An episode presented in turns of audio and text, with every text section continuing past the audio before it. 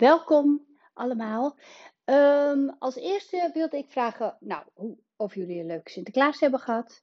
Ehm, wij wel.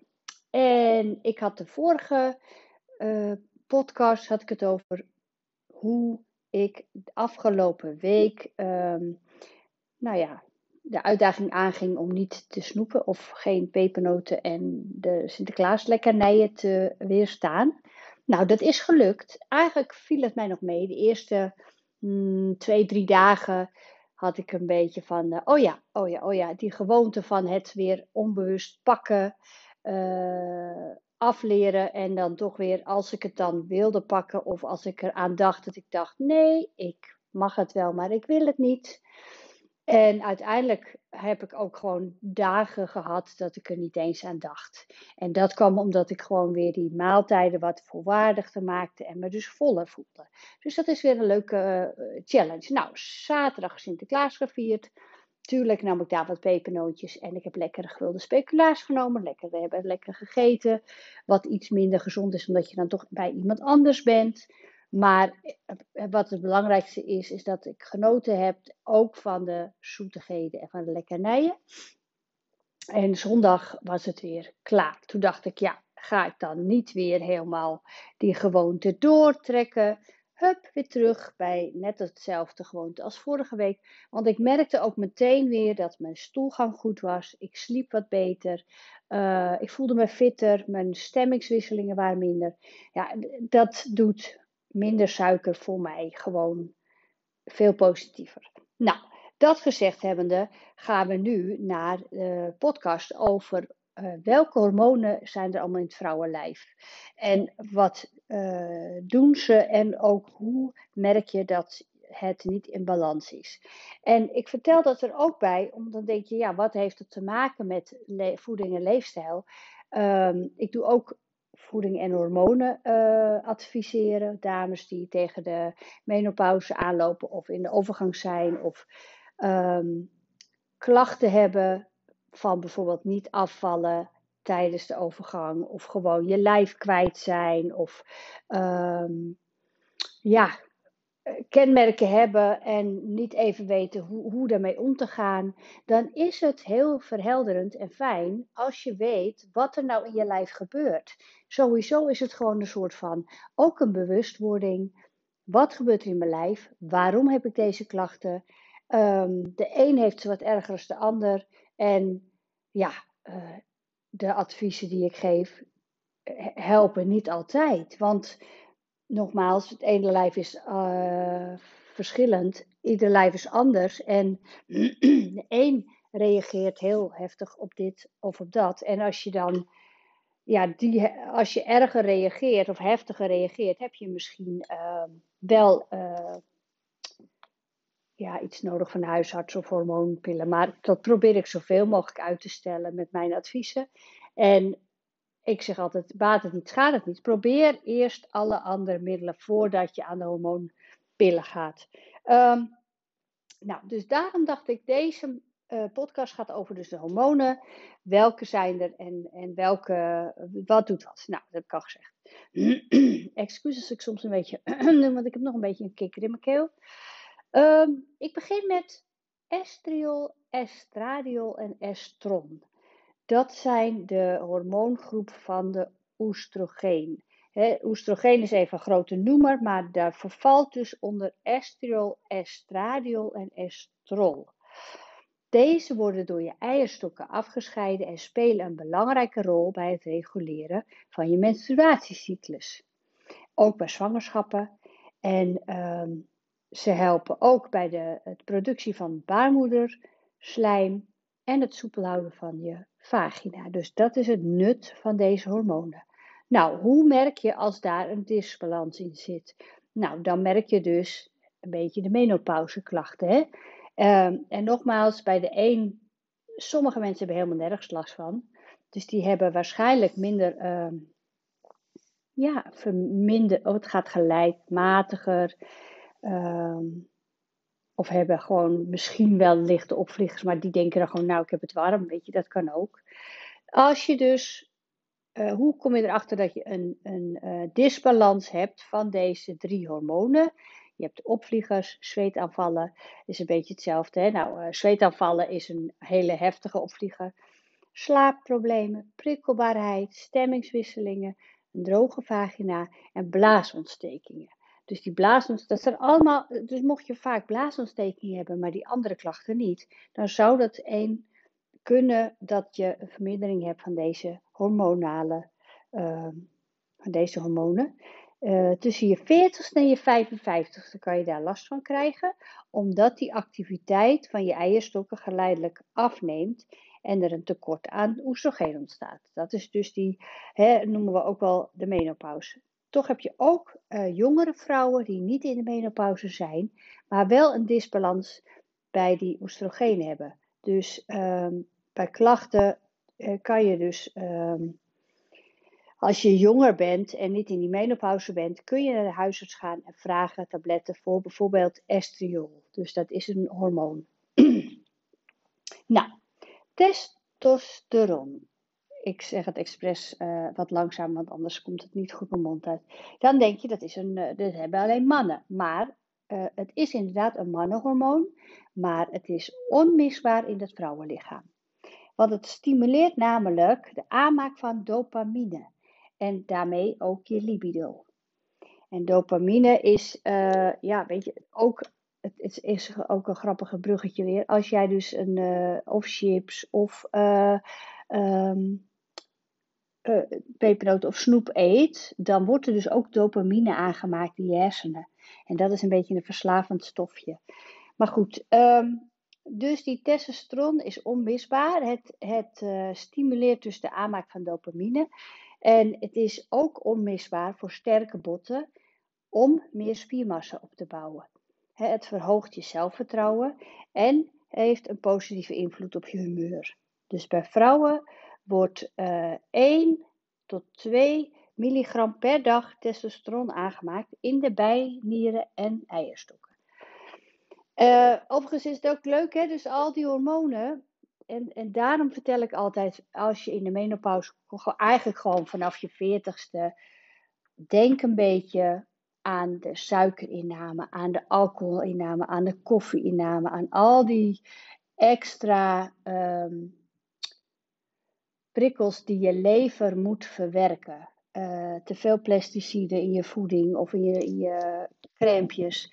Dat wordt allemaal verwerkt worden door je lever. Terwijl al die hormonen die ik dus nu straks allemaal opnoem, worden ook, moeten ook verwerkt worden door je lever. Dus dan krijg je al hè, zorg dat je lijf uh, minder moet werken om al die hormonen in balans te houden. Dus hoe gezonder je eet, hoe, um, hoe beter je je voelt, hoe minder insuline, hoe minder uh, ook weer dopamine je extra hoeft te verwerken. Nou, die testosteron dus. Hè. Wanneer heb je, uh, merk je als je te weinig testosteron hebt? Um, als je een, een verstoorde oestrogeenbalans hebt, um, heb, maak je kans op botontkalking.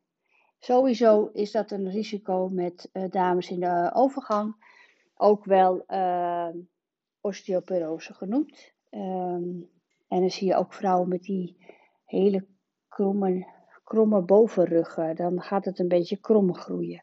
Um, dus ja, de kans op uh, kan toenemen als het testosterongehalte te laag is. Ook kan het zorgen, want het is een bijwerking in de overgang dat dames de vermindering van uh, uh, libido hebben. Nou, je nachtrust, gezond, uh, als je dus wat, niet meer een gezond gewicht hebt. Um, dat zijn allemaal signalen van tekort aan testosteron. Um, goede, gezonde uh, voedingspatroon met voldoende onverzadigde vetten. Onverzadigde vetten zijn oké okay vetten, vette vis, noten, avocado, olijfolie helpen je testosteronwaarde in balans te houden. Dat is altijd wel een mooi weetje. Dus waarom heb je die goede vetten nodig? Nou, ook dus om die testosteronhormoon in balans te houden. Dat is wel een leuk weetje. Prolactine. Prolactine is een hormoon dat wordt geproduceerd in de hypofyse. En hypofyse is een klier in je hersenen. De aanmaak van prolactine wordt gestuurd door een ander hormoon, dat is dus die dopamine. Die hebben elkaar nodig. Het komt bij mannen en bij vrouwen in kleine hoeveelheden voor. Bij mannen zit het er voor spekhomonen en bij vrouwen is het nodig om na de bevalling de melkproductie op gang te brengen. Nou, hartstikke mooi. Wanneer heb je een tekort? Ja, uh, een, een verhoogde waarde kan melkafscheiding uit de borsten veroorzaken. Dat gebeurt dus ook wel eens bij mannen. Hoofdpijn, problemen met zicht en onvruchtbaarheid. Um, ja, dit kan dus komen door disbalans in je geslachtshormonen, stress, verminderde schildklier, medicijngebruik, sommige bloeddrukverlagers en uh, nierziekten. Dus uh, tijdens de zwangerschap en het geven van borstvoeding is de hoeveelheid prolactine ook verhoogd. Dat is logisch. Een tekort eraan veroorzaakt meestal geen problemen. Progesteron, nou dat is dus die, hè, die oestrogeen en die progesteron, dat zijn bijna dat zijn de hoofdhormonen waar altijd over gesproken wordt bij de overgang menopauze. Wat doet progesteron? Is een geslachtshormoon dat in de tweede fase van je menstruatiecyclus, dus na de ijsprong, wordt geproduceerd in je eierstokken en bijnieren. Als je zwanger bent, zit het in de placenta. Het hormoon is belangrijk voor je menstruatiecyclus en vruchtbaarheid. Het staat vooral bekend als een zwangerschaphormoon. Maar ook helpt het om je oestrogeenspiegel in evenwicht te houden. Dus zonder progesteron kan er te veel aan oestrogeen in je lichaam ontstaan. En progesteron werkt kalmerend en heeft een positieve invloed op je stemming. Nou, signalen van disbalans. Uh, dat kan zorgen voor een onregelmatige menstruatiecyclus. Uh, vandaar dat je dus, hè, voordat je in die menopauze, echt, de overgang is dus als je een jaar lang geen menstruatie hebt, dan ben je in de overgang. Die menopauze, dan ben je dus aan het, beetje aan het rommelen en kwakkelen. En, en in die uh, fase heb je vaak een onregelmatige menstruatiecyclus. Dat kan dus kloppen, want dan heb je al een disbalans in die progesteron en oestrogeen. Um, nou, dan heb je ook een verminderende vruchtbaarheid, uh, je uitblijft van menstruatie en uiteindelijk dus die uh, overgangsklachten. Um, een laag niveau van progesteron kan er ook toe leiden dat je schildklier trager wordt. Dus echt, daarom is dit even een leuke podcast om te, om te luisteren. Dat heel veel klachten dus heel veel dames op wat oudere leeftijd krijgen schildklierklachten. Klachten. Dat kan dus komen door die progesterondisbalans. uh, een hele grote boosdoener is stress. De aanmaak van het stresshormoon, cortisol, wordt de, door de aanmaak van het stresshormoon cortisol wordt de aanmaak van andere hormonen, zoals, zoals progesteron, geremd en kunnen je hormoonwaarden uit balans raken. Het verminderen van stress, bijvoorbeeld voldoende slaap, beweging en ontspanningsoefeningen, kan dus ook helpen je hormoonwaarde weer op peil te brengen. Progesteron kan ook als medicijn worden voorgeschreven. Nou, dit is dus ook weer heel belangrijk, weet je, hè, vertel ik dus ook bij de dames die bij mij komen voor voeding en overgang. Um, gezond eten, stress verlagen, um, nou, dat, dat, daarom is die stress verlagen ook belangrijk. Hè? Dus, dus omdat je, als je stress hebt, krijg je dus een vermindering van die andere hormonen. Dus dat is, het heeft allemaal met elkaar te maken. Het is heel, heel mooi om even te, te luisteren. Schildklierhormoon, wat doet het? Je schildklier maakt drie hormonen aan om je stofwisseling op gang te brengen. Um, nou, ik kan ze allemaal op gaan noemen, maar ik weet niet of dat blijft hangen. Dus je T3 en je T4 en calcitonine. Die drie hormonen die stimuleren onder meer de afbraak van vetten en suikers en de groei van nieuwe cellen van bijvoorbeeld je haren en nagels. Nou, bij zwangerschap helpt het schildklierhormoon bij de vergroting van je melkklieren. En als je schildklier niet goed werkt, wanneer hij bijvoorbeeld te snel of juist te traag werkt, ontstaat er een disbalans in deze hormonen. Opvallend is dat de schildklierproblemen bij vrouwen vaker voorkomt dan bij mannen. We, we hebben er zo'n 5 tot 8 keer meer kans op. We bedoel ik dus de vrouwen. Hè? Hoe dat precies komt is niet helemaal duidelijk, is niet bij de onderzoeken naar boven gekomen. Omdat klachten vaak na de menopauze ontstaan, worden de vrouwelijke geslachtshormonen ervan verdacht een rol te spelen. En dat is wel, ik hoop dat ze toch wat meer uh, onderzoeken gaan, gaan starten met al die uh, hormonen en al die klachten. Want uh, er zijn ook heel veel hart- en vaatziektes onder vrouwen door hormonale disbalans. Maar daar wordt medisch nog niet genoeg aandacht aan besteed. Jammer genoeg. Um, nou, wanneer, wanneer merk je dat? Dat je schildklierhormoon in disbalans is. Gewichtstoename, koude handen en voeten, vermoeidheid, droge huid, tekort een tekort aan een schildklierhormoon. Als je een trage schildklier hebt, hartkloppingen, veel zweten, gewichtsverlies. Dus het is gewichtstoename, maar ook gewichtsverlies. Um, een gejaagde zenuwachtig gevoel bij een te werken, te snel werkende schildklier. Dus als jij merkt dat je uh, alles doet met je voeding, je bent aan het bewegen, je valt niet af, uh, ja, ga dan toch even naar de huisarts en vraag van, mag ik even een, uh, een schild, schildklier uh, in mijn bloed prikken op schildklierwaardes. Ik bedoel, je kan het maar beter laten checken.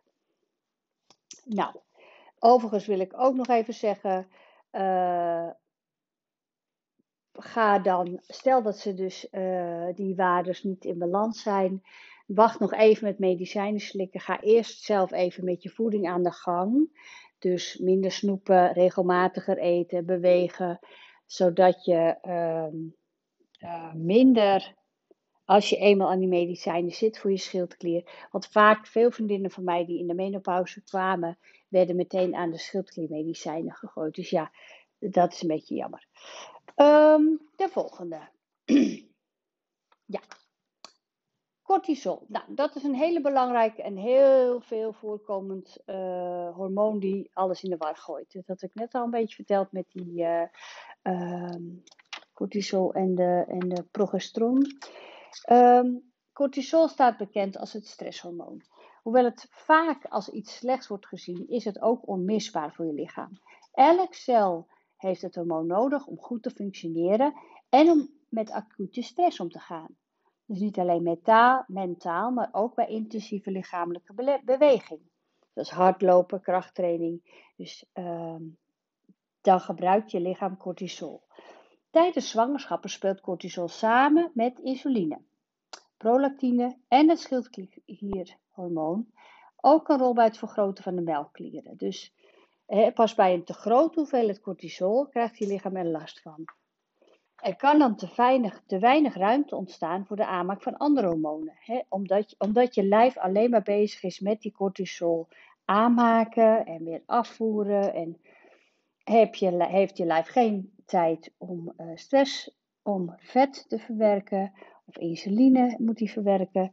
Dus kortom, daarom is het zo belangrijk om tijdens die menopauze overgang af en toe even rust te nemen per dag een ademhalingsoefening of uh, yoga of iets. Of even rustig wandelen. wandelen. Um, nou ja, uiteindelijk krijg je dus een verstoorde oestrogeenbalans als je heel veel stress hebt. En te grote hoeveelheid cortisol kan bij vrouwen ook onregelmatige menstruatie en overbeharing in het gezicht veroorzaken. En als je lang achter elkaar uh, uiteindelijk uh, is het zo in balans dat je zelfs aan kan komen als je te veel cortisol hebt. Um, dus ja, heel belangrijk om te ontspannen af en toe. In ieder geval de boog niet altijd gespannen, uh, de boog altijd gespannen te houden. Uh, ik ben bijna klaar hoor. Iets langere podcast, maar echt super leerzaam. Glerine en leptine. Nou, dat is ook een hele belangrijke. Glerine is het hongerhormoon. Dat hormoon produceert je lijf wanneer je een tijdje niet gegeten hebt en je maag leeg raakt. En glerine zorgt ervoor dat je honger ervaart. Um, dus na het eten remt de aanmaak van dit hormoon weer. De tegenhanger van glerine is leptine.